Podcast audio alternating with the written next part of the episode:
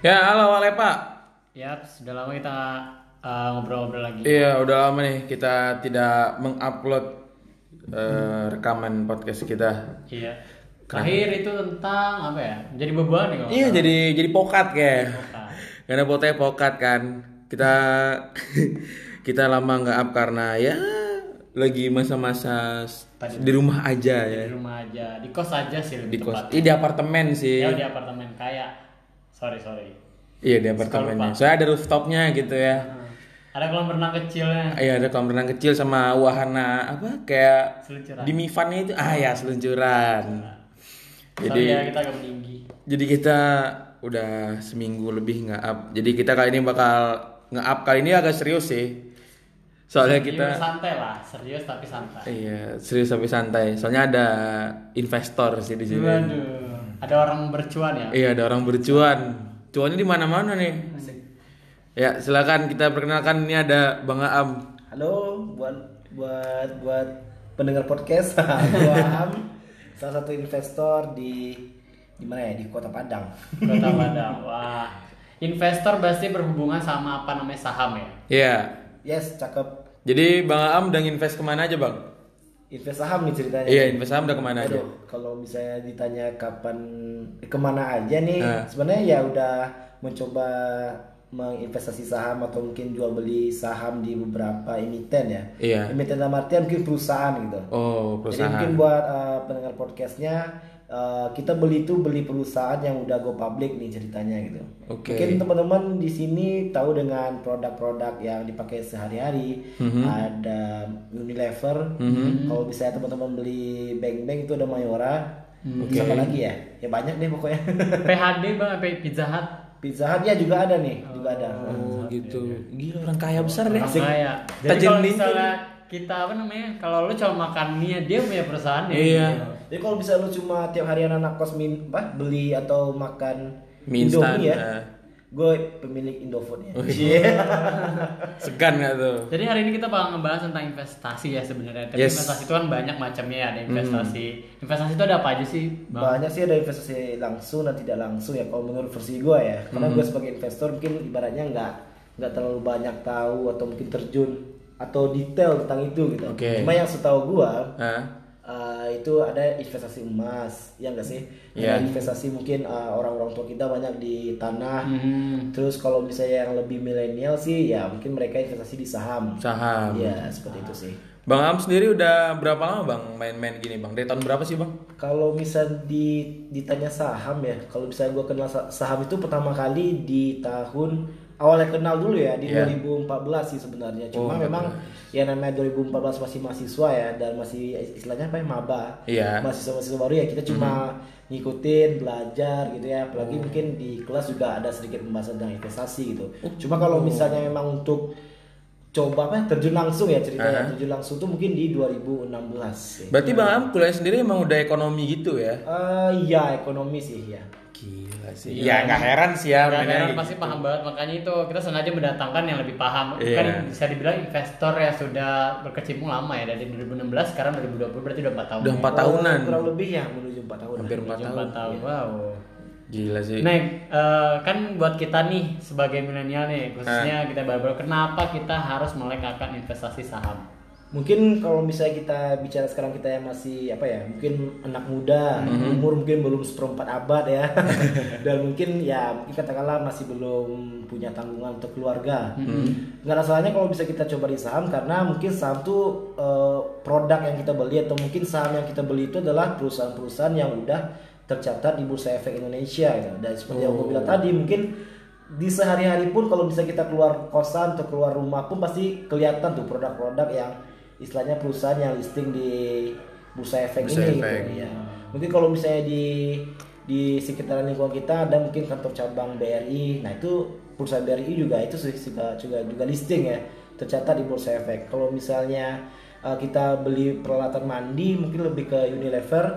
Kalau Iya. misalnya teman-teman anak kosan tiap hari konsumsinya Indomie, in- mie instan ya, Mie instan. mungkin kita lebih kenal yang namanya Indofood. Indofood. ya. Dan mungkin kalau misalnya lu sekarang lagi hashtagnya di rumah aja, Mhm. eh, lagi nonton TV gitu kan, kita lihat ada SCTV, ada Iya. MNC. Nah mereka tuh juga perusahaan yang udah tercatat di Bursa Efek Indonesia.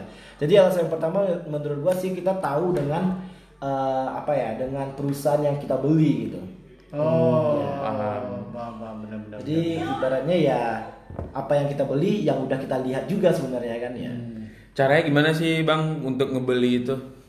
Kalau Caranya untuk nggak sembarangan ya? membeli saham, yang pertama sih kita harus tahu dulu ya bahwa kita buka rekening efek itu bukan di kantor bursa efek. Nah, Oke. ini- itu yang sering salah orang. Salah, ya, Teman-teman ya, gue ya, juga ya. sering nanya Mhm. "Eh, kalau misalnya gue ke bursa efek gue udah bisa buka akun saham nggak? Ternyata enggak gitu. Ternyata kita tuh harus buka eh, rekening efek itu di sekuritas namanya gitu. Sekuritas. sekuritas. Jadi ada emang perusahaan yang ibaratnya di bawah andilnya di bursa efek Mhm. dan sistemnya memang bursa efek yang menyediakan itu namanya ada Jakarta Automatic Trading System JATS ya.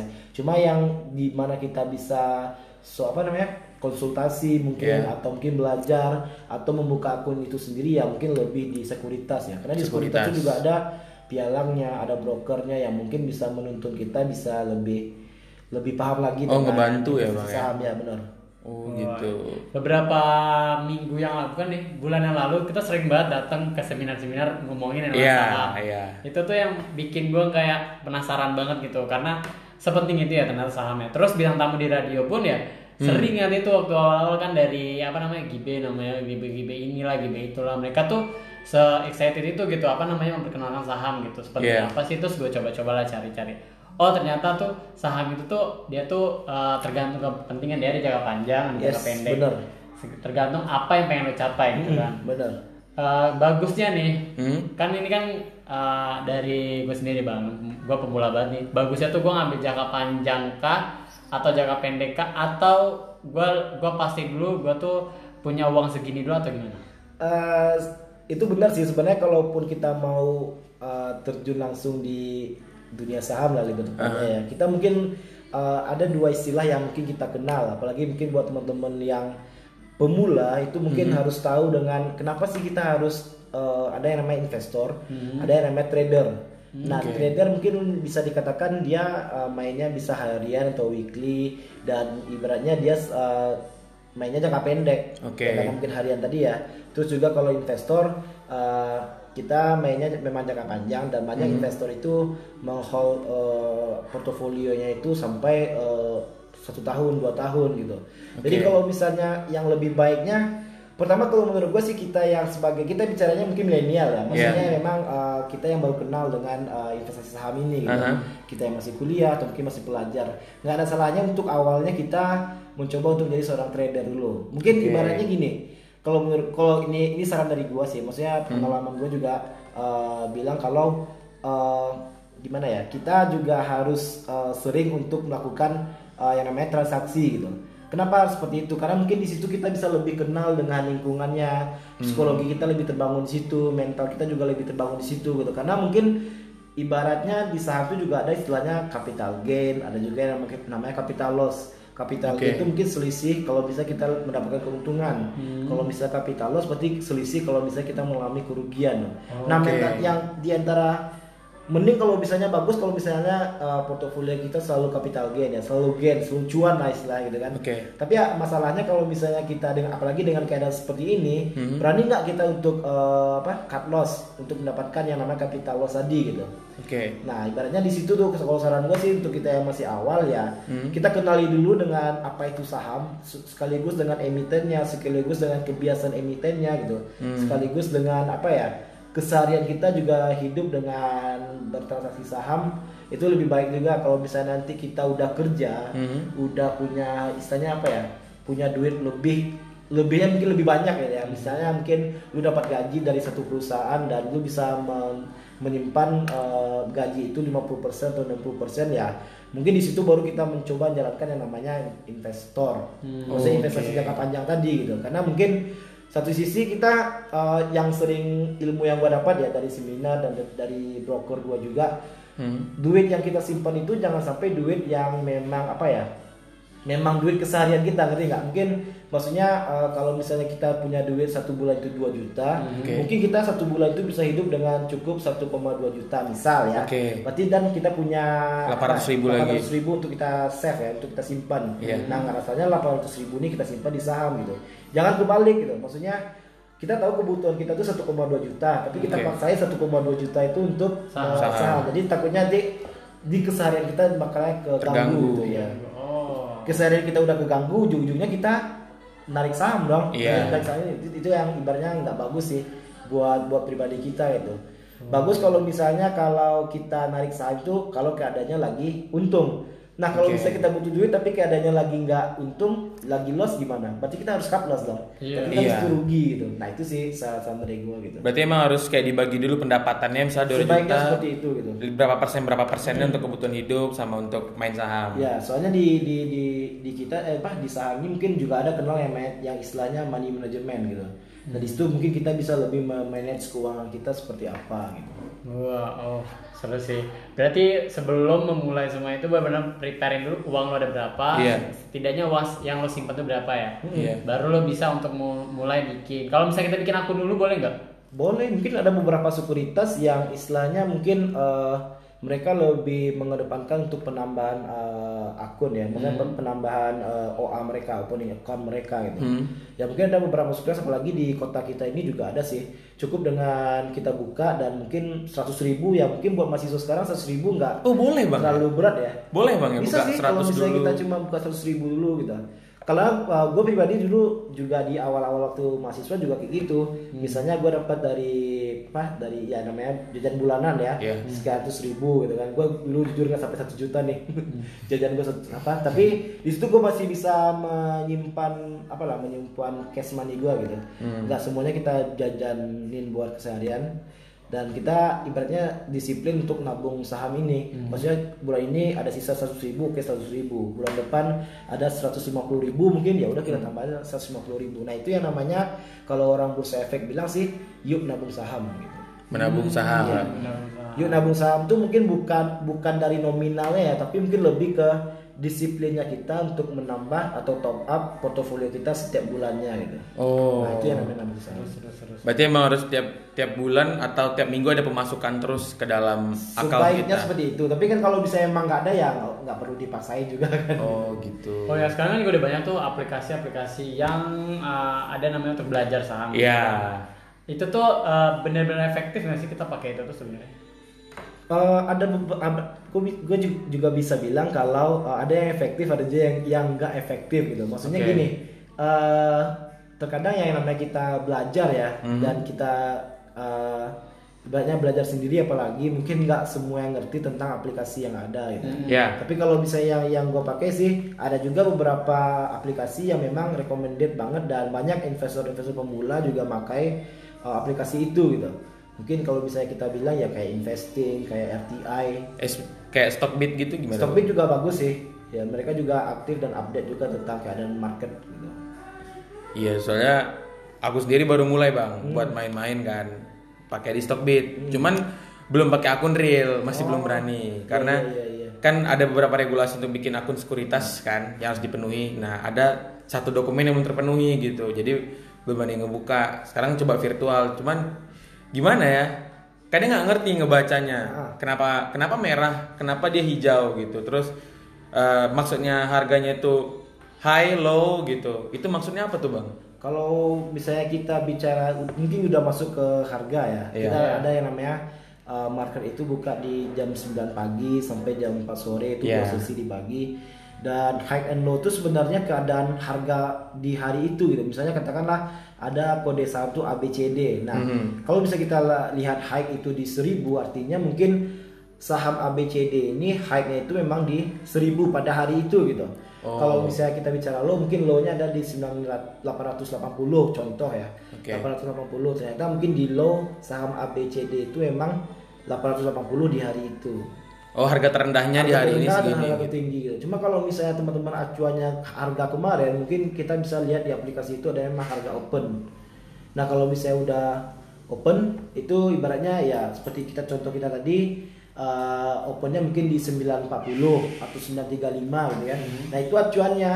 Kalau misalnya di dari 940 dan high-nya itu di 1000, berarti ketentuannya kita ada kenaikan sekitar berapa persen? Berapa rupiah ya?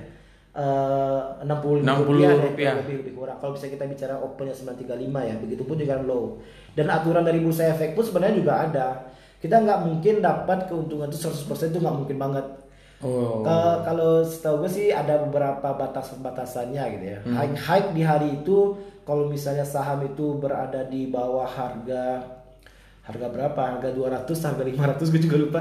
Maksudnya eh, itu maksimal keuntungan dan kerugiannya itu 35%. Di di bawah 200 ya, harga Oke. di bawah 200 itu auto reject atasnya 35% dari harga itu. Auto reject bawahnya itu juga 35% di harga itu gitu. Tapi kalau misalnya eh, saham-saham yang udah di harga 200 rupiah Hah? sampai berapa ya gue lupa sih entah 2000 entah 5000 itu kenaikan mereka bisa satu hari itu 25% dan ARB nya auto reject bawahnya pun juga bisa 25% gitu Oh gitu. ya contohnya mungkin simpelnya kalau misalnya harga kita itu di 1000 Hah? katakanlah harga ABCD tadi opennya di 1000 Iya. nah maksimal di hari itu mereka cuma bisa mencapai eh, 25% ya berarti 1250 rupiah 1250. 1250 itu nggak bakal kejadian kalau misalnya dia dapat eh, satu 1300 1000 itu nggak Oh, bakal. karena udah emang itu fix udah ya? aturan dari bursa efek sendiri gitu dan kita sebagai investor pasti ngikutin rules seperti itu dong gitu ya gitu. wow. Agak mulai rumit ya. oh baru loh. Nah, baru baru mulai pada tapi udah gak mulai rumit tapi Aduh. eh, itulah mungkin ya banyak istilah-istilah tuh yang di saham tuh yang gue masih gak ngerti tuh Oh, Tadi iya, kan lo habis itu auto reject Hmm. ARB Hmm. ya kita tapi sih agak lumayan ngerti ARB nya bukan Abu Rizal Bakti ya Iya takutnya ke sana ya tadi. tadi singkat-singkat, banyak banget singkat-singkat. Dan di dalam di dalam apa namanya itu aplikasi itu pun nama perusahaanmu disingkat-singkat gitu. Nah, benar. Iya. ASG. Iya. Itu terus habis itu apalagi kalau misalnya Era, era Era. hanya dua, terus apa? eh, PTBN, PTBS ya nggak salah. PT, PTBA Tambang PTBA ya PTBA. PTBA. Ya, jadi memang itu sih udah ah, itu makanya gue mungkin buat kita yang awal tadi gue saran untuk eh, mainnya transaksi harian ya. Selain kita eh, salah satu tujuannya kita lebih mengenal psikologi kita, kita juga di situ lebih mengenal dengan kode-kode perusahaan yang udah listing tadi gitu. Karena kalau bisa lu di awal mulai lu langsung duit 100 ribu atau 200 ribu Hah? dan lu tunggu sampai satu tahun mungkin ya Uh, mungkin nggak masalah tapi mungkin dari segi apa ya dari segi ilmunya atau mungkin dari segi psikologinya mungkin itu nggak nggak nggak dapet nggak terbangun gitu Oh. nah tapi kalau bisa kita udah di awal udah main coba harian kenal mat dan belajar lain lagi mungkin kita pasti bakalan kenal dengan kode-kode perusahaan tadi kalau misalnya kita contohin sih ya kayak Bank BRI kodenya Iya. BBRI ya BBRI. terus apalagi ya yang mungkin yang lebih terkenal B- BMRI Mandiri kan Bang? BMRI mungkin Bank Mandiri, Mandiri. ya. Terus eh, Semen Indonesia. Semen Indonesia. Itu Semen Indonesia ya, tapi kode SMGR gitu. SMGR. Mungkin mereka dulunya lebih kenal dengan Semen Gresik kali ya. Nah, makanya kode SMGR. Tapi sekarang kan udah jadi PT Semen Indonesia Tbk gitu ya. Jadi ya gimana cara menghafalnya ya mungkin kesehariannya kita nanti itu yang Iya. bakalan ingat eh, dengan kode-kode terbiasa gitu Iya. ya. Iya iya. Ya makanya kan kalau di HP ini nih dari iPhone sendiri kan udah ada tuh ya. Hmm. Uh, maksudnya tanpa di download aplikasinya tuh udah ada namanya di stop gitu kan. Kita kadang-kadang bisa ngeliat gitu. Awal-awal tuh kayak ini apaan sih ya SD kadang merah kadang hijau Hmm. gitu. Dow Jones gitu. Dow Jones itu habis itu tapi kalau sekarang di musim kayak gini lagi kebanyakan Lagi merah ya. semua. Kacau. Kacau. Kacau. Tapi katanya kemarin kan ya, ada beberapa talk show juga di radio gitu Eh. katanya ini salah satu kesempatan kan. Yes. Ini adalah waktu diskon lah ya. Iya. Kalau misalnya mau pengen invest tuh bisa dibilang dimulai dari sekarang Iya. gitu. Karena ini saatnya harga udah mulai turun dan kan ini kan cuman bisa dibilang kita eh, apa namanya ini kan musiman juga ya. Iya. Namanya, Siapa tahu virusnya bisa cepat berakhir ya. Amin. Akhirnya kan bisa naik lagi gitu. Iya. Nah, kira-kira nih Bang, gue pengen nanya sekarang buat gue yang benar-benar pemula lagi, gue tanya lagi, misalnya awal-awal mulanya ha- pertama kali gue tuh harus cari tahu dulu eh, apa namanya cara-caranya atau baca dulu sendiri. Atau gue lebih eh, kayak yaudah coba aja dulu apa namanya kayak tadi aplikasi-aplikasi yang udah ada. Hmm. atau yang ketiga gue masih datang-datang seminar ngikutin gitu eh, hampir semua yang Emo sebutin tadi benar sih maksudnya. Tapi ya tergantung pribadi masing-masing ya. tergantung Kalau gue pribadi sih lebih senang langsung ke buka akun, langsung belajar sama brokernya. Itu sih pri- kalau gue. Tapi ada juga teman gue yang ngapain kita jauh-jauh dari mungkin ya namanya anak kosan kali ya.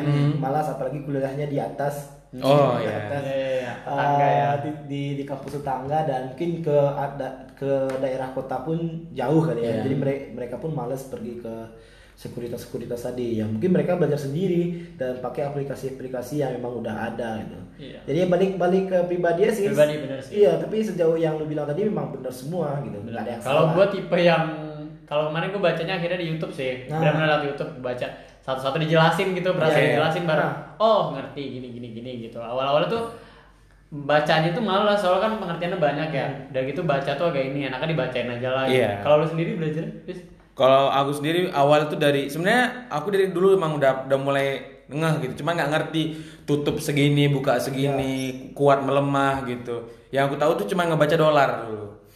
Terus abis itu eh, sekarang sekarang ini kemarin tuh sempat baca thread-thread di Twitter kan tentang saham gitu. Buka jam berapa, tutup jam berapa gitu. Terus ditambah lagi sekarang jumpa sama Bang Aam gitu. Sekarang makin ngeh, baru berani nge-download aplikasi, baca-baca, main gitu, ngimbangin sambil walaupun lah virtual kan, belum akun real udah bisa kayak oh pasar segini bagus gini, bagus gini, bagus gitu. Walaupun kemarin sempat stuck di Mandiri. Oh iya gitu. Kemarin Mandiri kan sampai sekarang udah sebulan kan Iya. merah terus kan bang ya. Kayaknya kayak nggak berani ngelepas sampai sekarang cuman hold aja. Masih di hold aja dulu ya. Masih di hold. Gitu. Oh. Ya itu kem- awalnya juga sebenarnya udah sama sih dari thread Ah. Twitter juga tuh, tuh, tuh ada tuh uh, dia tapi yang yang mau baca tuh tentang uh, emas. Emas ya? Antam, antam. Antam. Nah, dia investasi antam gitu. Akhirnya download lah salah satu aplikasinya. Hah? Uh, lupa nama aplikasinya apa, tapi dia tuh bisa dia bisa dimulai dari harga sepuluh ribu. Hmm. Sepuluh ribu. Nah, cobalah dari situ. Sekarang aplikasi udah nggak ada malah udah di uninstall gitu. Nggak kurang apa ya? Uh, di emas ini kurang kayak bener kayak tadi kurang ada yang ngasih tahu jadi kurang kayak nggak ada nggak dapet aja ilmunya gitu jadi kayak males lah gitu. Mentornya juga eh, nggak tahu ya karena mungkin sistemnya kalau ada yang nyimpan emas memang untuk jangka panjang sih. Iya. Oh, karena gitu. buat eh, bapak-bapak atau ibu kita yang yang udah Tua-tua. tua-tua sekarang maksudnya memang emas itu mereka pakai karena mungkin yang adanya inflasi ya mungkin istilahnya. Oke. Inflasi kalau bisa kita tarik eh, setahu gua sih mungkin ada sampai 5 sampai 8 persen lah Mhm. per tahun itu. Nah kebalikannya emas pun kenaikannya bisa sampai segitu juga. Artinya kalau misalnya kita nyimpan di emas selama setahun ada kemungkinan, tapi nggak pasti ya. Yang namanya investasi nggak ada yang pasti. Ada kemungkinan mereka juga naik di 5 sampai 5 sampai 8 persen. Artinya inflasi itu udah udah dilawan dong sama yang udah megang emas gitu. Oh gitu. Iya. Berarti inflasi sama emas mempengaruhi mas ya? Sebenarnya eh, kenapa ken- gimana cara kita untuk menghadapi yang namanya inflasi? Ya investasi salah satunya emas, Oke. salah satunya juga saham atau deposito. Deposito pun sebenarnya juga bagus karena eh, di awal kita udah tahu ya mungkin satu tahun kita dapat berapa persen, gitu, lima persen atau berapa persen gitu. Oke. Oh, I see. Tapi ini bener nggak sih bang kalau misalkan eh, sempat baca aku di Twitter gitu. Karena kita punya saham walaupun cuma satu lot, satu lot kan minimal pembelian ya. Iya.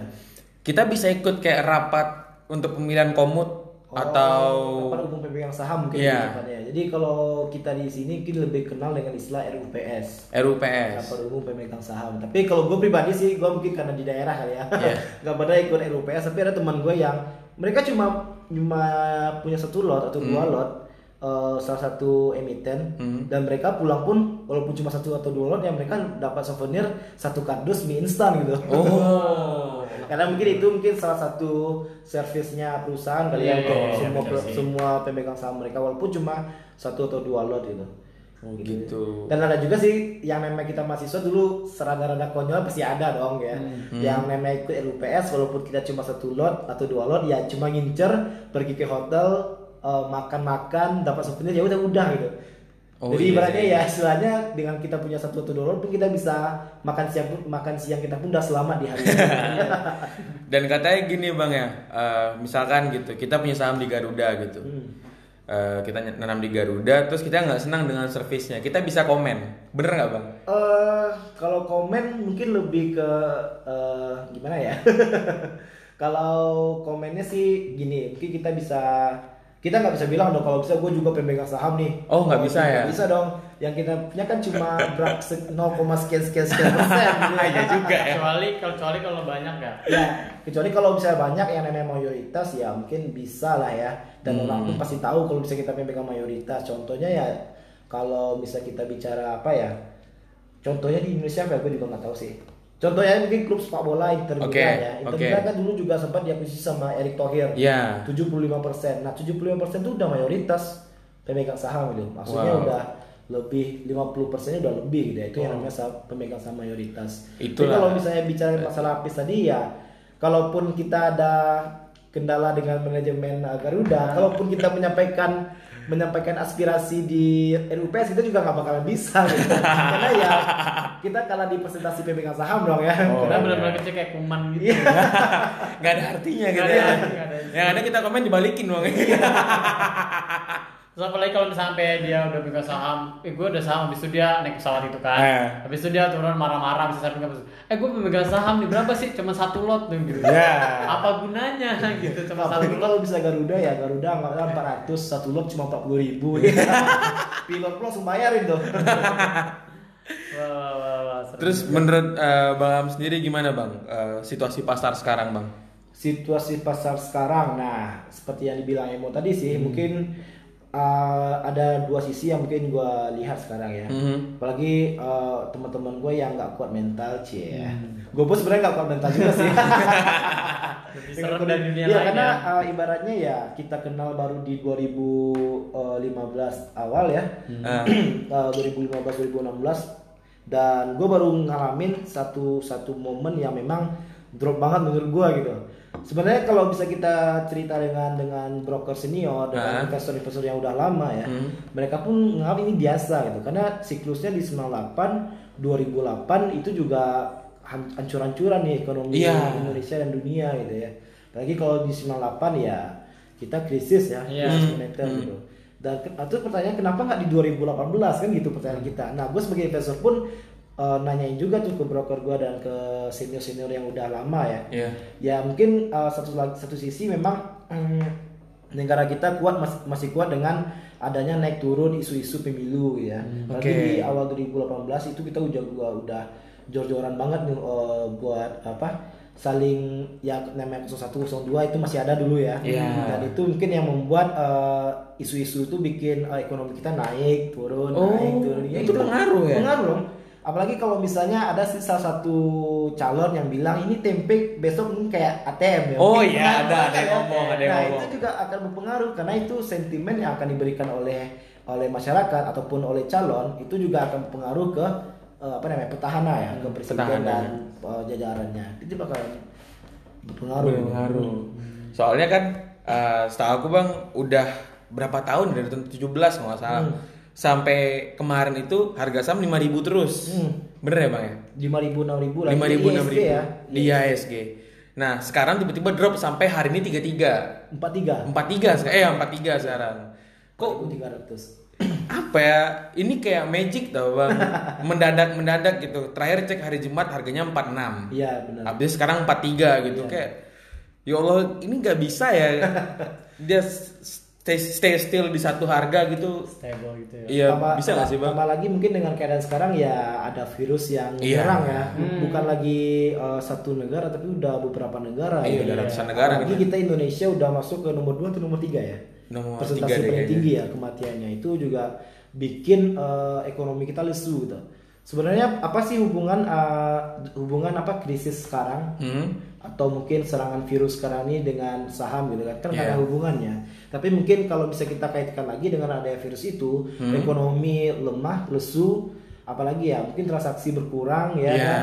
yang yang namanya investor butuh butuh uang cash untuk persiapan ya mereka banyak yang panic sell jual jual jual jual akhirnya saham malah Drop. gitu karena memang baik lagi ke hukum permintaan yang istilahnya semakin tinggi permintaan semakin naik harganya Iya. tapi kalau semakin banyak orang menjual itu harganya makin turun Makin Nah, turun. seperti itu sih hukumnya jadi kalau bisa yang bicara masalah PSD ya gimana ya kita harus tahu dengan dua sikon yang mungkin kita hadapi pertama kita harus melihat ini dari sisi sisi yang nggak baiknya dulu mungkin Oke. ya modal kita di awal awalnya mungkin 2000 rupiah sekarang Ah. di 1200 ya Iya. udah minus berapa persen 40 persen ya tapi ya kita juga harus tahu sejarah kita juga harus tahu dengan eh, itu yang penting ilmu kita tadi ya kalau misalnya kita emang udah banyak ilmunya kita pasti bakalan punya strategi punya money management yang baik untuk menghadapi seperti ini walaupun kita memang lagi di posisi rugi Mhm. Nggak salahnya kalau misalnya kita memang katakanlah memang kalau misalnya udah ada pendapatan tetap ya, itu tetap kita siapkan cash untuk misalnya menanti saham apalagi ya mantul atau rebound lah istilahnya. Rebound, Ya. oke. Jadi ibaratnya kalau misalnya emang udah di titik titik apa ya titik supportnya mungkin ya titik ibaratnya titik untuk balik lagi lah istilahnya ya. Oke. Kalau misalnya udah dapat di titik itu baik lagi ya kita pun udah ada momentum untuk buy ya kita langsung buy walaupun memang awalnya di 2000 nih tapi sekarang harga di katakanlah 1200 Oke. Nah, kalau bisa kita beli lagi dengan dengan dengan jumlah saham atau jumlah lot yang sama, itu kan kemungkinan average down-nya bisa di harga berapa tuh? 1500 atau 1600 ya. Nah, ketika saham ini balik lagi ke harga 2000, kita udah untung. Karena modal kita bukan di 2000 lagi, modal kita udah di 1500 atau 1600 ya average down-nya seperti itu ya. Jadi ya mungkin sekarang kita bicara kalau gue jujur nggak ada berita positif yang yang bisa disampaikan Iya. ya tapi memang keadaannya memang wait and see wait and see ini mungkin lebih kita menunggu momen yang tepat dan mantau terus saham kapan kita bisa dapat momen untuk buy lagi gitu Tapi bang, bener nggak bang kalau misalkan salah satu faktor yang menyebabkan ini semakin turun dari harga minyak juga? Eh, bisa jadi Karena harga minyak lagi turun-turunnya juga Hmm, sekarang. hmm. karena eh, kalau kita bicara kita kalau kita bicara pelajaran, pelajaran anak SD ya minyak ini juga salah satu sumber daya yang nggak bisa diperbarui ya Iya. artinya setiap negara pun kayaknya butuh minyak gitu Iya. nah semakin baik lagi nih semakin langka hal yang kita cari itu harga semakin naik dong Naik. Nah, seperti itu makanya kalau misalnya eh, apa ya semua orang butuh semua orang butuh nggak mungkin agak sekarang bakalan bakalan naik bakalan Oke. naik apa ya psikologinya kita untuk membeli pun nggak bakalan ada gitu. Karena mungkin harga terlalu udah, udah terlalu jauh tuh. Nggak ada yang mau beli akhirnya jual-jual lagi saham nyungsep lagi gitu. Jadi ibaratnya kaitannya seperti itu sih. Kalau menurut Raam eh, apa ya eh, kita jangan melihat di satu titik aja gitu. Mungkin kalau misalnya kita ikut eh, seminar atau mungkin apa ya oh, pelajaran-pelajaran di kelas cukup melihat di satu satu analisis saja itu udah cukup. Sebetulnya sebenarnya enggak gitu walaupun kita seorang trader, walaupun kita seorang investor, kita juga harus paham dengan yang namanya uh, analisis jangka pendek atau teknikal dan juga analisis jangka panjang atau uh, fundamental. Fundamental. Ya. Jadi uh, hal-hal seperti itu yang mungkin membuat kita semakin kuat kita harus beli atau enggak nih saham gitu. Karena Oke. juga banyak banyak orang yang yang kalau bahas saham sih banyak yang apa ya? eh udah terlalu mah walaupun padahal dia baru buka akun saham tapi gayanya udah terlalu Pro, Kayak berasa Iya. punya saham di mana-mana. Iya. Ada, Dan akhirnya mereka cuma istilahnya uh, belinya beli saham-saham yang nggak nggak betul gitu. Kalau istilahnya sih ada saham-saham gorengan dah. Ah, itu maksudnya gimana bang? Saham-saham gorengan ini saham-saham yang di bawah bandar sih sebenarnya. Maksudnya istilahnya gue punya punya punya duit uh, berapa ratus ratusan m ya. Iya. Dan gue bisa memborong semua saham ini sampai ke titik tertingginya gitu. Oke. Ya kalau misalnya harga itu sahamnya 51 dan Hah? atau rejectnya eh, sorry katakanlah di 100 ya Oke. atau rejectnya mungkin 35% berarti 135. maksimalnya 135 ya. Ha-ha. Kalaupun nanti ada bandar yang membawa ini harga, Hmm. bawaan-bawaan harga, dia yang istilahnya apa ya? Ya bawa bawa harga lah tepatnya dia beli di 101 Oke. dan naik naik naik lagi beli, beli lagi 105 beli lagi 110 artinya kan saham itu bakalan naik naik naik Hmm. terus sampai di titik eh, arahnya ya atau reject atasnya gitu. Hah? Nah, kita mungkin banyak yang ikut sebagai apa ya korban-korban bandar seperti itu sih. Maksudnya kita udah tahu nih saham bakal mentok di satu satu tiga 35. empat atau satu tiga lima gitu ya. Kita malah beli di satu tiga satu atau satu tiga dua karena kita ini pasti bakalan naik nih besok gitu. Hmm. Ada juga bandar yang yang gimana ya istilahnya eh, kalaupun di nggak nggak nyentuh auto reject atas satu di satu tiga lima lagi cukup di satu tiga satu atau satu tiga dua mereka udah malah jualan loh itu banyak yang terjadi gitu. Akhirnya kita yang udah beli di satu tiga satu Hah? akhirnya eh, bakalan nyangkut dong. Karena di satu tiga satu tadi si bandar udah udah apa? Udah jualan duluan lah. Karena mereka dia yang punya barang dia yang punya mayoritas barang dia yang punya banyak barang dia yang jualan. Artinya tuh eh, Drop. drop lah eh, harganya gitu. Jadi ibaratnya uh, batas-batas auto reject itu mungkin kita bisa jadi patokan tapi Oke. kalau yang namanya bandar ya suka-suka dia sih Hmm. dia mau beli berapa dia mau jual di harga berapa terserah aja gitu Hmm. itu makanya saran-saran kita gue juga sih salah satu orang yang pecinta bandarmologi ya Ci. tapi memang mainnya cuma cuma dikit-dikit aja tapi karena emang udah kapok gue pernah beli di eh eh Sebelaga nggak ya intinya tuh gue beli di serat, harga seratusan. Oke. Di- ah, seratusan lah gue jual di harga 70-an gitu. Artinya ada beberapa persen kerugian lah ada Oh iya. sejak saat itu gua nggak mau lagi ikut-ikut main bandar gitu. Karena dari segi psikologi pun juga nggak nggak baik lah. Apalagi kalau bisa kita memang yakin saham ini buat buat apa ya buat mungkin bisa dibilang tabungan atau bisa dibilang untuk Investasi. jajan tambahan atau investasi ya janganlah sampai kita ikut main-main saham-saham gorengan seperti itu Oh, gitu. Dan kemarin ya kita datang ke seminar nggak tahu saham goreng enak. Iya Ya, gitu. gitu. Dan kan saham ini kan apa namanya itu uh, apa apa namanya? Uh, lo apa sih namanya itu uh, lo bukan logo high risk high return itu apa tuh namanya itu? Eh, semakin tinggi kita eh, mengambil keputusan semakin rendah itu gimana ya intinya semakin banyak modal kita semakin tinggi juga risiko kita untuk eh, rugi. Tapi semakin ge- gede juga peluang kita untuk mendapatkan keuntungan. Contohnya nih kita ada dua kasus am ada duit satu juta. Misalnya eh, PIS 10 juta tuh.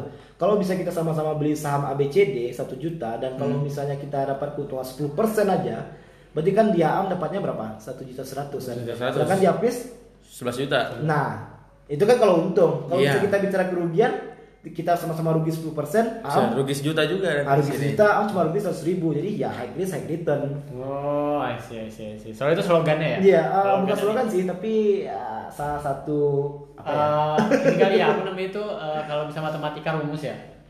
Uh, bukan, tapi lebih ke kita harus tahu bahwa salah satu risiko kita berinvestasi saham di sini, Hmm. salah satu keuntungan juga di sini gitu. Jadi semakin besar lu be- melakukan menginvestasi duit, Hah? semakin besar juga keuntungannya, semakin besar juga peluang ruginya. Nah, seperti itu sih. Kuncinya ya. Jadi itu kuncinya gitu. Jadi jangan heran kalau misalnya uh, wah lu kok cuma duit uh, rugi seratus ribu kan kita sama-sama masuk ya gue cuma masuk satu satu juta sedangkan dia masuk 10 juta ya kerugian dari mungkin persentasenya sama sama-sama 10 persen ya Mhm. tapi kalau dari segi duitnya pasti berbeda. Beda. Ya, modalnya udah beda kayak gitu ya Betul, betul. Oh gitu. Yes, yes, I got it. pasti yang pasti udah agak mulai-mulai ini ya, udah mulai-mulai yang ya dikit ya. Tapi eh, sekali-kali ya kan kita Sekali bisa lah. ngobrolin yang apa namanya? Candaan terus. Candaan. Sekali ini agak-agak lumayan serius sedikit ya nggak apa-apa karena menurut gue tuh milenial zaman sekarang tuh eh, melekatkan saham tuh penting juga sih. Iya. Tapi nih pertanyaan paling pamungkas yang penting nggak? Kalau Bambang mancing mania. Iya, Mantap. Kalau misalnya saham ini menjanjikan kekayaan nggak? Bi- iya, Bang. menjanjikan Bisa nggak kayak hidup dari saham gitu Nah, bang? ya misalkan ada orang yang bilang nih, uh, misalnya dia, oh gue bersaham nih, pasti gue pasti kaya. Nah, kan ada kan Iya. atau ada orang yang mikir pendek kayak gitu. Apakah kalau saham ini benar-benar menjanjikan sebuah kekayaan? Eh, gini, mungkin eh, banyak eh, kita apalagi eh, apa ya ibu-ibu ya korbannya korban sinetron ya. Ya. Ibaratnya yang kalau misalnya ada nih alur sinetron yang yang sa- misalnya si bapak bapak si pemain apa pemain ini si aktor ini bisa orang kaya. Iya. Ternyata dia memiliki banyak saham, Saham. gitu kan. dia memegang saham utama perusahaan itu. Ah, oke. Nah kita juga harus tahu dulu nih ini sahamnya sahamnya listing di bursa efek atau enggak gitu. Hmm. Karena banyak uh, pemikiran kita apalagi uh, orang-orang Indonesia seperti kita ya maksudnya uh, masih berpikir kalau pemegang saham atau orang yang bisa beli saham itu adalah untuk orang-orang yang kaya. Itu Iya. sebenarnya salah gitu. Oke. Nah, beda beda kasus kalau misalnya ini perusahaan bukan bukan uh, go public ya, tapi kalau misalnya perusahaan itu go public dan kita bisa loh sebagai masyarakat Indonesia bisa mengoleksi itu saham. Tapi kalau bisa ditanya pertanyaannya uh, apa ya? uh, apakah saham ini menjadikan untuk jadi orang kaya? Gimana ya? Uh, kita bicara siklus bicara apa ya siklus aja kali ya. Maksudnya Oke. dulu di 2008 Hmm. Uh, dan juga 2007 deh 2007 ini kalau bisa orang kaya ISG waktu itu masih di 2000 2000-an kalau nggak salah gua nih ya 2000-an lah gua nggak tahu pasti 2000-an dan waktu 2008 karena emang ada krisis yang melanda waktu 2008 ya siklus 10 tahunan itu ISG jadi 1300 loh Wah. anjlok. Hmm. Nah, kalau misalnya kita bicara apakah bisa jadi orang yang kaya, kalau misalnya kita di tahun 2007 itu banyak megang saham, Hmm. mungkin kita orang kaya. Tapi kalau misalnya keadaannya di 2008, saham kita yang lagi di atas sebelumnya sekarang malah turun, ya gimana ya? Kalau bisa kita jual, kita jadi miskin juga ya. Tapi eh, ini kaitannya mungkin dengan keadaan sekarang. Kalau misalnya di 2008 itu 1.300 dan Oke. 2000 2000 berapa ya 2009 Hmm. itu langsung naik 86 artinya saham itu di kisaran 2400 atau 7400 IHSG Hmm. nah itu ibaratnya kalau bisa kita kondisikan dengan sekarang kalau memang sekarang di 3900 sampai 4300 ada kemungkinan lagi nih tahun depan mungkin ini ini kita bicaranya uh, sejarah ya, Ya, Ini oke. bukan bukan gue masih Ya, udah-udah ya, ya. istilahnya apa ya disclaimer on aja lah kita ya betul. dan kalau siklusnya ya mungkin nggak ada salah mungkin bisa jadi kemungkinannya ISG baik lagi ini di harga 6.300 atau mungkin 6.000 6.600 lah mungkin. Jadi ibaratnya ya gimana kita bisa mengelola portofolio kita kita yang tahu. Gimana cara kita bisa nge- mengelola manajemen keuangan kita kita yang tahu.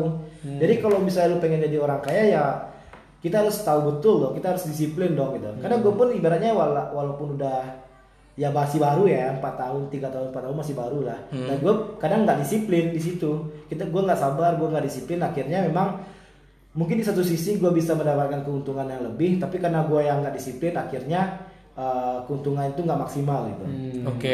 jadi ibaratnya ya sekali lagi kuncinya disiplin dan lu harus tahu dengan manajemen keuangan lu gitu. itu mungkin yang akan bisa membuat kita bukan kaya juga sih tapi ya portofolio portofolio kita bisa lebih terjaga lah Ya. Jadi namanya aja udah investasi gitu Iya. kan. Berarti kan kita mempersiapkan untuk nanti gitu kan. Iya, ya. Atau bisa bilang kalau misalnya ini tuh simpanan lah jatuhnya kan. Iya. Bukan uh, j- kalau misalnya ada gawat atau gimana emang kita butuh duit kita udah ada simpanan jatuhnya Yes, kan kayak gini kan kalau misalnya dari saham ini. Berarti dia bukan menjadi kekayaan tapi dia bisa mensejahterakan lah ya. Suatu Bisa. saat misalnya lo nggak punya duit, oh gua ada nih pegangan A gitu. Iya, Jadi bisa iya. dibilang nih pegangan lah jatuhnya. ya. simpanan kita supaya di kalaupun ada siklus ledakan seperti ini kita nggak nggak panik ya Hmm. Oh iya bang, Eh, kemarin tuh sempat ngejual, aku sempat jual di PTBA. Waktu habis jual, senak match iya sama amen. nah, Itu maksudnya apa bang? Kalau kalau match, match dan amen kalau Iya. match berarti barang yang kita punya yang kita eksekusi buy atau jual itu udah ya udah match ya maksudnya kalau bisa kita eksekusi beli Hah? barang itu kita udah kebeli kalau bisa kita mau jual berarti barang kita tuh udah kejual Udah saham kita tuh udah kejual gitu kalau amen itu bang? kalau main tuh mungkin kita bisa berubah pikiran ya Oh. berubah pikiran dalam artian ya Narik. awalnya gue mau beli ini saham 10 lot di harga 1000 Oke. misalnya contoh ya Oke. tapi karena belum match wah oke ini harga makin makin makin menit makin naik nih gitu ya Hmm. Gua bisa bisa aja kita aman dengan ganti harga Oh bisa ganti harga eh kebalikan bisa aja kita ganti harga dengan amen ya amen ya Dengan amennya. Iya. Artinya uh, mungkin sekarang posisinya udah di 1020 contoh ya. Oke. Sedangkan gua antri di 1000. Eh nggak jadi deh, gua ambil aja deh di 1020. Ya udah, diganti aja. Tapi bukan berarti kalau kita amen itu kita ini kan tetap bisa ngambil kan bang? Gak bisa, Tetap bisa. Be- Beda kasus kalau misalnya kita udah batalin. Oh ya ada ada kebatal. Hmm. Oh gitu. Agak mulai bukan mulai emang udah. Udah, oh iya yang ya. kita bikinnya. Tapi kalau misalnya dari tadi teman-teman misalnya dari Walai Pak ikutin Ah. gitu. Ini sebenarnya bagus banget sih. Misalnya tentang saham kayak gini terus uh, misalnya nanya sama orang yang udah yang udah menjalankan. Iya, gitu udah melanglang buana di Udah bidang itu empat tahunan ya. Empat tahunan kata baru lagi. Baru lagi. Udah S1 malah kalau Ah, empat tahun. makanya itu. Tapi kalau misalnya uh, buat mahasiswa mah karena kan kalau misalnya kayak kita kayak gini kan istilahnya udah di ujung-ujung nih kan. Iya. Habis kita mau kerja gitu kan. Hmm. Kan kita kadang-kadang kan bingung nggak bagi gaji atau gimana gimana. Mungkin salah satu bisa untuk uh, tabungan lah ya, Iya, tabungan yes. tabungan dengan cara investasi kayak begini gitu. Mungkin untuk mempersiapkan investasi ini kan banyak ya. Iya. Salah satu saham ini gitu. Kalau mungkin ya investasi tanah itu udah biasa, apa emas udah biasa. Saham Hmm. ini kayaknya seru tuh karena bisa dimainin kan. Karena kita bisa ngecek harga setiap hari, habis itu kita bisa konsul sama brokernya ya. Yes. Broker ini tempatnya ini ya, misalnya kalau kita pengen nanya-nanya gitu ya. Iya, mungkin lebih tepatnya kita kalau mau buka akun saham tadi, Hmm. kita bukan ke adminnya, kita bukan ke kepala cabangnya. Cari brokernya. Tapi kita mungkin ke brokernya. Ke kepala cabang mungkin bisa, asal mereka punya license broker. Nah, itu bisa. Oh, Oh. broker pun ada Ada license-nya. license-nya. Berarti enak juga jadi broker bang ya. Berarti misalkan gini, eh, aku ngejual nih, aku dapat untung gitu. eh, untung sekian persen berarti dia nanti juga bakal kecipratan dong kalau gitu Nah, ibaratnya kan ada masing-masing sekuritas itu ada yang namanya eh, apa ya? fee ya namanya. Iya, Nah, fee. Fee eh, dan setahu gua sih nggak tahu eh, nggak nggak ada yang tetap nih fee-nya masing-masing sekuritas. Artinya memang masing-masing sekuritas pun punya fee yang berbeda-beda. ya. Hmm, oke. Ada yang 0,17 persen, ada yang 0,15 Iya, persen. iya, iya. Tapi itu pembagiannya emang eh, eh, setahu gue setahu gue mungkin dibagi ke eh, tiga bagian ya ke SRO SRO ini ada bursa efek KP KSEI terus juga eh, karena kita pakai sistem mereka ya yang gue bilang JATS tadi gitu ya. oke terus eh, jasa apa namanya jasa si sekuritas mungkin lihat brokernya fee yang mungkin yang fee yang tadi oke Terus yang ketiga mungkin ke pajak karena kita juga bakalan ba- bayar pajak. Oh, ada pajaknya Iya. juga. Ah. Tapi berapa ya? Gue gua paling paling paling nggak demen apa? Paling nggak suka lihat itu sih lihat report gitu ya. Gue sih setahu gue berapa yang masuk gue udah tahu yang penting berapa potongannya gue nggak peduli sih. Tapi yang penting di situ potongannya itu atau fee itu fungsinya buat itu gitu. Oke. Jadi secara langsung ya kita bisa menjadi warga negara yang baik dong karena kita Iya. bayar pajak. Iya, iya benar banget. berarti emang dia dihitung langsung ya pakai Iya. waktu menarik itu ya Jadi kalau misalnya contohnya kita beli di satu juta deh, kita Oke. jual di satu juta, duit yang kita dapat tuh bukan satu juta, tapi berapa ya tuh fee-nya? Katakanlah 0,17 persen, berarti 1.700 rupiah dong. Iya. Berarti kita dapat 90 900 berapa tuh? 900an sekian lah. 900 lah, pokoknya dikurang deh fee tadi yang 0,17 persen gitu. Wow, Paham. wow, wow, seru, seru, seru. Tadi gue ada pertanyaan sih. eh aduh, blank gak lagi. kalau Ah, saking. Tapi tadi sih yang dibilang emo sih eh, Aam aja mungkin yang udah 4 tahun masih baru. Ada yang lebih yang lebih lebih apa lagi nih kata-katanya? Kata si Warren Buffett. Warren Buffett. Buffett yang memang mereka, dia udah investasi di Amerika ya dan salah satu orang terkaya di dunia ya. Hmm. Nomor berapa? Nomor 3 atau nomor 4 gue juga nggak tahu sih. Aduh. Eh, dia juga bilang dia mulai berinvestasi itu di umur 11 tahun. Wow. Wah. Dan dia bilang itu udah telat loh. wow Kenapa gua nggak nggak nggak investasi mungkin di umur 6 tahun, 7 tahun gitu ya. Iya Telat sih, dia itu makanya dari kemarin tuh ya pencarian di, di beranda YouTube tuh uh, gara-gara ngeliat itu ya apa yang keluar jadinya kan tentang tentang investasi, investasi, Iya. investasi, investasi jadi jadi senang-senang baca-baca gitu. Nah itu emang kalau misalnya investasi itu emang lebih cepat lebih baik kan, Iya. karena kita berinvestasi kan namanya kita mempersiapkan yang nanti gitu kan. Iya. Jadi kan lebih cepat kan lebih baik aja gitu. Berarti kita udah aware banget sama di masa depan kita nanti gitu. Oh Iya. kita gue udah ada persiapan nih di masa depan nanti nih. Gue udah ada pegangan lah setidaknya gitu. Kalau kata-kata orang saham sih, kalau misalnya kita hidup di tahun 2008, Hmm. kita punya eh, harga saham tuh ke rata-rata 1.300. Hah? Nah, kalau misalnya sekarang dengan keadaan 4.300 berarti kita udah untung oh banyak 100% lebih ya. lebih mungkin bang Mungkin hampir 200%. Waduh. Nah Iya, iya, iya, ini udah inget nih pertanyaan nih. Nah kan kemarin tuh ada orang yang melamar dengan saham. Masa dia uh, Oh, mahar, mahar. maharnya Iya, pakai benar. saham. Itu gimana sih bang maksudnya? Eh, Jadi dia beliin buat istrinya. Eh, biasanya kan yang, yang namanya mahar kan kalau bisa kita dengar sih yang yang namanya kalau orang Islam Muslim itu kan biasanya seperangkat alat sholat Iya. dengan beberapa emas atau mungkin dengan beberapa itu. Wah, Iya, dan wah. Ya, itu sama juga sih uh, artinya kalau misalnya emang ada selain seperangkat alat sholat ada juga dengan emas 5 gram misalnya gitu kan. Nah sekarang mungkin anak-anak kekinian sih kekinian yang memang meleknya investasi itu bukan cuma di emas tapi juga di saham ya mereka jadiin uh, salah satu mahar mereka itu ya di saham tambahannya gitu. Artinya mungkin kalau misalnya itu juga bisa diurus sih dibantu sama teman-teman sekuritas dan kalau nggak salah gue sih ada ada itu ya sih ada alurnya yang harus dipersiapkan. Tapi mungkin gue nggak bisa berani karena gue nggak nggak tahu alurnya ya gue jujur aja. Tapi banyak banget eh, anak-anak muda sekarang yang jadiin saham itu sebagai mahar. Waduh. kalau misalnya senior gue sih ada kalau nggak salah sih 5 lot saham BMRI ya saham Bank Mandiri.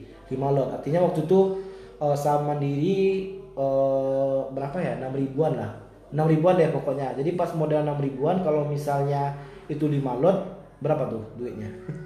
Lima lot tiga puluh. 3, 3 juta kali ya? tiga jutaan. kalau misalnya kita bicara 6 ribu ya ini contohnya aja contoh Oke. 6 ribu gitu ya itu hak haknya dari si mempelai apa mempelai pria pria yang sebagai maharnya juga akan diberikan ke mempelai wanita itu sah akan dimiliki oleh si Perempuan. wanita. Jadi ya terserah mau perempuan nih mau mau nahan ini saham sampai berapa lama. Oh, gitu kan. kalau dijual juga iya, boleh. atau mungkin jual juga boleh itu udah hak dia gitu ya. Seperti itu. Oh, gitu sistem. Jadi ibaratnya ya sama kalau perannya dulu mungkin emas. Ah. Emas Ya. ya kalaupun si mempelai wanita pengen langsung jual emasnya atau mau mau pakai emasnya atau mau hold emasnya beberapa tahun tuh sah-sah aja sih. Hmm. Dan bonusnya mungkin ada semacam kayak sertifikat kalau nggak salah gue ya.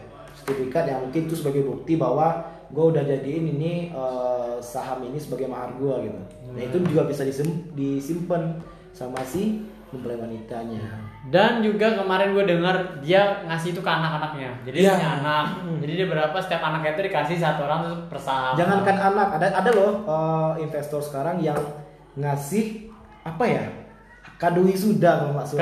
Kado wisu- wisuda. Kado wisuda ke ke ke pacarnya. Kalau nggak salah- kalau nggak salah gitu ya, gue nggak tahu salah juga sih. Tapi memang banyak ya itu gue bilang tadi yang seperti anak kekinian sih punya banyak cara kreativitas ya Gila, gila, gila. bisa jadiin eh, apa ya eh, sesuatu itu terlihat tidak biasa Iya, asik. bener. ya kalaupun lu ngasih wisudanya cuma ngasih bunga ya udah biasa men Iya, Itu iya. bunga bunga kan. ini lebih ke eh, kalau bisa lu wisuda gua akan ngasih eh, satu perusahaan buat lo walaupun cuma lima lot Ci. Iya Iya kan jadi kayak gitu kan. Iya, keren sih. Nih eh, eh, aku kasih kamu sesuatu apa? PHD, ini Pizza Hut Eh, gitu. Pizza Hut. Pizza Hut. Jadi, nah, jadi kalau mau ke mana-mana, ini bisa punya gue nih. Iya, iya. Ada gue di sini nih menanamkan nih. Gitu. Walaupun cuma dua lot ya. Walaupun cuma dua sebenarnya kan.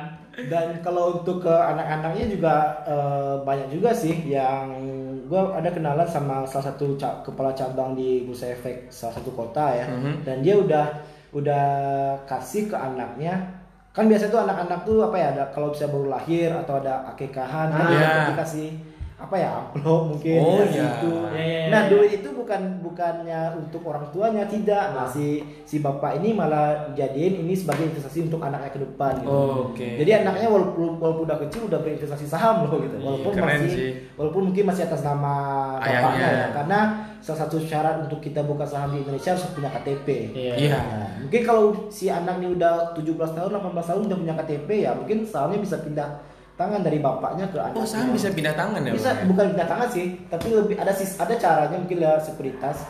Itu lebih bisa di sharing dari misalnya gua sekuritas A, lu sekuritas B dan Oke. si nasabah udah pindah nih ke sekuritas B. Hah? Nanti gua mungkin sebagai broker pialanya membantu buat si nasabah nih uh, portofolionya pindah ke itu loh gitu. Dan itu pun juga nama. Kalau misalnya atas nama Apis atas nama Emo nih. Emo em- Emo ibaratnya mau ngasih saham ke Apis ya Hah? bisa sharing seperti Oh, itu. bisa. Iya. Kalau bisa diwariskan bisa nggak? Diwariskan mungkin eh, nah kalau setahu gua sih pas gua mengisi apa namanya? Form. From akun saham itu Mhm. eh, itu ada yang namanya eh, tertera biodata, ahli waris. Nah mungkin fungsinya seperti itu kali ya. Kalau bisa kita ada kenapa-kenapa atau mungkin Berarti ya bisa kasih ke- dipindah tangankan ke ahli waris seperti itu. Wow, wow, wow. Keren seru, ya. Seru, seru, seru. Oh, berarti kan kalau misalnya kita juga dapat, ah, kan kalau anak-anak kecil suka dapat di lebaran, Hmm, gitu ya. hmm. itu bisa juga ya orang tua yang ngumpulin. Iya tapi- bisa, bagus banget tuh kalau bisa ada orang tua yang berpikiran Oh. seperti itu ya. Itu parenting ya. Mungkin nanti kalau misalnya di sini ada yang mau jadi mama-mama muda, Iya. papa muda, itu bisa salah satu daripada nanti anaknya duitnya lebaran dibeliin PS, beliin apa? Beliin aja dulu investasi kan. Iya. Bisa disiapin nanti udah gede baru dikasih nih. Kan baru kerasa nanti, wih ternyata gue udah dikasih investasi. Itu makanya kalau bisa buat lu semua peng- kalau bisa eh, jadiannya sama orang-orang saham aja gitu. Oh. Ya? Iya. Gini loh, masa depan anaknya udah aja udah dipikirin apalagi masa depan istrinya. Iya. kacau kacau kacau. Tapi ya bisa juga sih mau ini sebagai kayak kado-kadoan Ah, kan. betul. Jadi misalkan kalau ada treat eh treat people lagi. Kalau ada Masih ke bawah kebiasaan ya? ya. Kalau Pak misalkan mau ngasih kado mungkin buat kita wisuda besok. Boleh. Kalian tahu kan mau ngasih apa? Iya. Saham aja kita sangat terima dengan lapang. Iya. dengan Satu lot jadi lah. Daripada bunga, bisa nanti layu nggak kepake Iya. dibuang. Bunga plastik lagi. Makanya bunga pun mungkin nggak diingat ini, ini bunga dari siapa ya? Ini Iya, ada siapa? namanya. Kalau banyak ngasih bunga, mending ngasih Saham. Saham. Cie. Terus dia kayak ingat, ini saham dari dia nih. gue. Berarti kalian sebegitu sayang sama kita. Ih. cakep cakep. Ya. Wah, udah ngerasa kita ngobrol dari tadi hampir sejaman kita ngebahas tentang saham. Nah, ini pesan sih, pesan terakhir dari Bang Aang. Kenapa kita tadi mungkin kenapa kita harus mulai bersaham dari sekarang? Misalnya berinvestasi lah.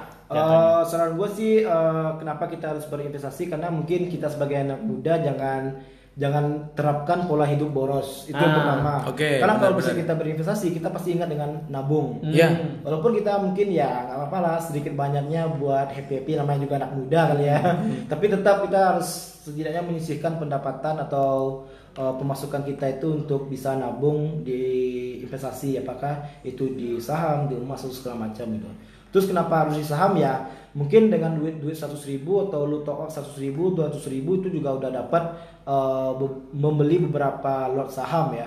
Kalau bisa kita ambil contoh sih seperti Garuda tadi. Garuda kisarannya mungkin 200 sampai 400, katakanlah 400 ini contoh aja ya. Oke. Satu lot berarti cuma 40 ribu dong. Dua lot iya. cuma 80 ribu. Jadi ya mungkin uh, salah satu wadah kita untuk bisa mulai berinvestasi ya di saham karena mungkin uh, kita bisa memulai dengan modal yang kecil. Terus uh, kita juga harus ingat bahwa kita nggak tahu nih arah ke depan seperti apa, kita nggak tahu dunia ini seperti apa, cie. kita nggak tahu lingkungan itu seperti apa dong, ya kan? Yes. Bisa ada, bisa jadi kita butuh duit dadakan atau apa. Hmm, gitu. iya, Makanya kenapa kita harus penting berinvestasi dan salah satunya mungkin berinvestasi di saham. Terus mungkin pesan gue sih buat teman-teman investor atau mungkin teman-teman trader yang gue pun juga mengalami mengalami siklus yang sekarang, cie, ya. oke. kita harus tetap ambil positifnya. Kita harus ingat apa alasan kita untuk awalnya untuk berinvestasi dan kita juga harus paham sejarah. Kenapa sekarang eh, kondisi market lagi merah-merahnya, lagi down-downnya dan rupiah pun luar biasa lemahnya ya. Iya, kacau sekarang. Tapi memang kita harus tetap positif, berpikir positif dan kita jangan lupa untuk tetap disiplin untuk menabung saham. Karena kalau misalnya ini pasar mantul, pasar bakalan balik Rebound. lagi, balik arah, itu eh, saran gue baru kita untuk eksekusi beli eh, dan eh, Jual. Beli lah. Oh, Kalau beli- bisa beli jual ya. mungkin tunggu modal kita balik dong. Oke, iya sih. Jadi ya tapi ya tetap gue bukan bukan gue cuma seorang investor cie. Iya. Banyak salahnya juga. tapi memang obrolan kita tadi memang bang, sangat-sangat bermanfaat untuk anak-anak milenial dan gue yakin banget anak-anak milenial mau untuk nabung saham cie. Iya, benar. Dan kalau misalnya treat people, I treat people, Aduh. lagi misal Lepa udah bikin ya kan, habisnya misalnya gue gue udah bikin atau enggak, misalnya itu boleh DM kita ya, DM Iya. kayak kita di Lepa podcast ya, Iya. Discord podcast. Kita pengen tahu misalnya kalian benar-benar buka atau belum. Kita sebenarnya ini disclaimer juga kita nggak ada sama sekali eh, apa namanya? Dengan apa namanya? eh, Kayak soft selling di soft atau- selling atau tentang saham Promosi enggak sih. tapi emang kita uh, keresahan kita ya karena Iya. kenapa sih orang sekarang baik banget ngomongin saham dan Ah. buat lo yang belum tahu tuh kita tuh kayak merasa rugi aja kalau sekarang kita belum tahu itu gitu. Iya, dan kita pun akhir-akhir ini kayak concern ke hal-hal begini sih. Ah. Karena ini benar-benar kayak kita pengen mempersiapkan sesuatu untuk kita begitu udah tamat. Ya, betul, nggak? betul, betul. Dan Atau gue buat rasa yang lebih jauh lagi selain lebih jauh lagi benar dan gue rasa sih udah saatnya juga kalau misalnya kita udah bisa mempersiapkan, mempersiapkan diri kita sendiri Mhm. kan kayak bagus aja gitu Yes. kita ngerepotin orang tua gitu. Yes. Apalagi kalau misalnya uang jajannya berlimpah-limpah gitu, Iya. disisihkan lah ya kan. Mana tahu yang belanja 300 ribu sehari Iya. ada biasanya bang. Ada ya? Ada. Kacau kacau mantap mantap. Kalian harus daripada kalian cuma pergi ke tempat-tempat makan kayak tadi misalnya ke McDonald atau apa gitu. Iya. Sekarang kita kalian yang punya loh, kan? Iya. Itu Bukan lebih main. Lu Keren. tadi makan beng-beng sekarang lu punya Beng-beng. perusahaan Mayora ya. Iya, makanya itu. Keren gak tuh? ya udahlah, menurut aku cukup lah ya buat malam ini. Ya terima kasih Bang Am udah mau share. Iya, terima kasih Bang Am sudah Mantap. mau sharing ilmu ke kita malam ini. Sekian podcast lepak kali ini. Nah, Aku sama Emo dan Bang Am pamit. Bye. Bye.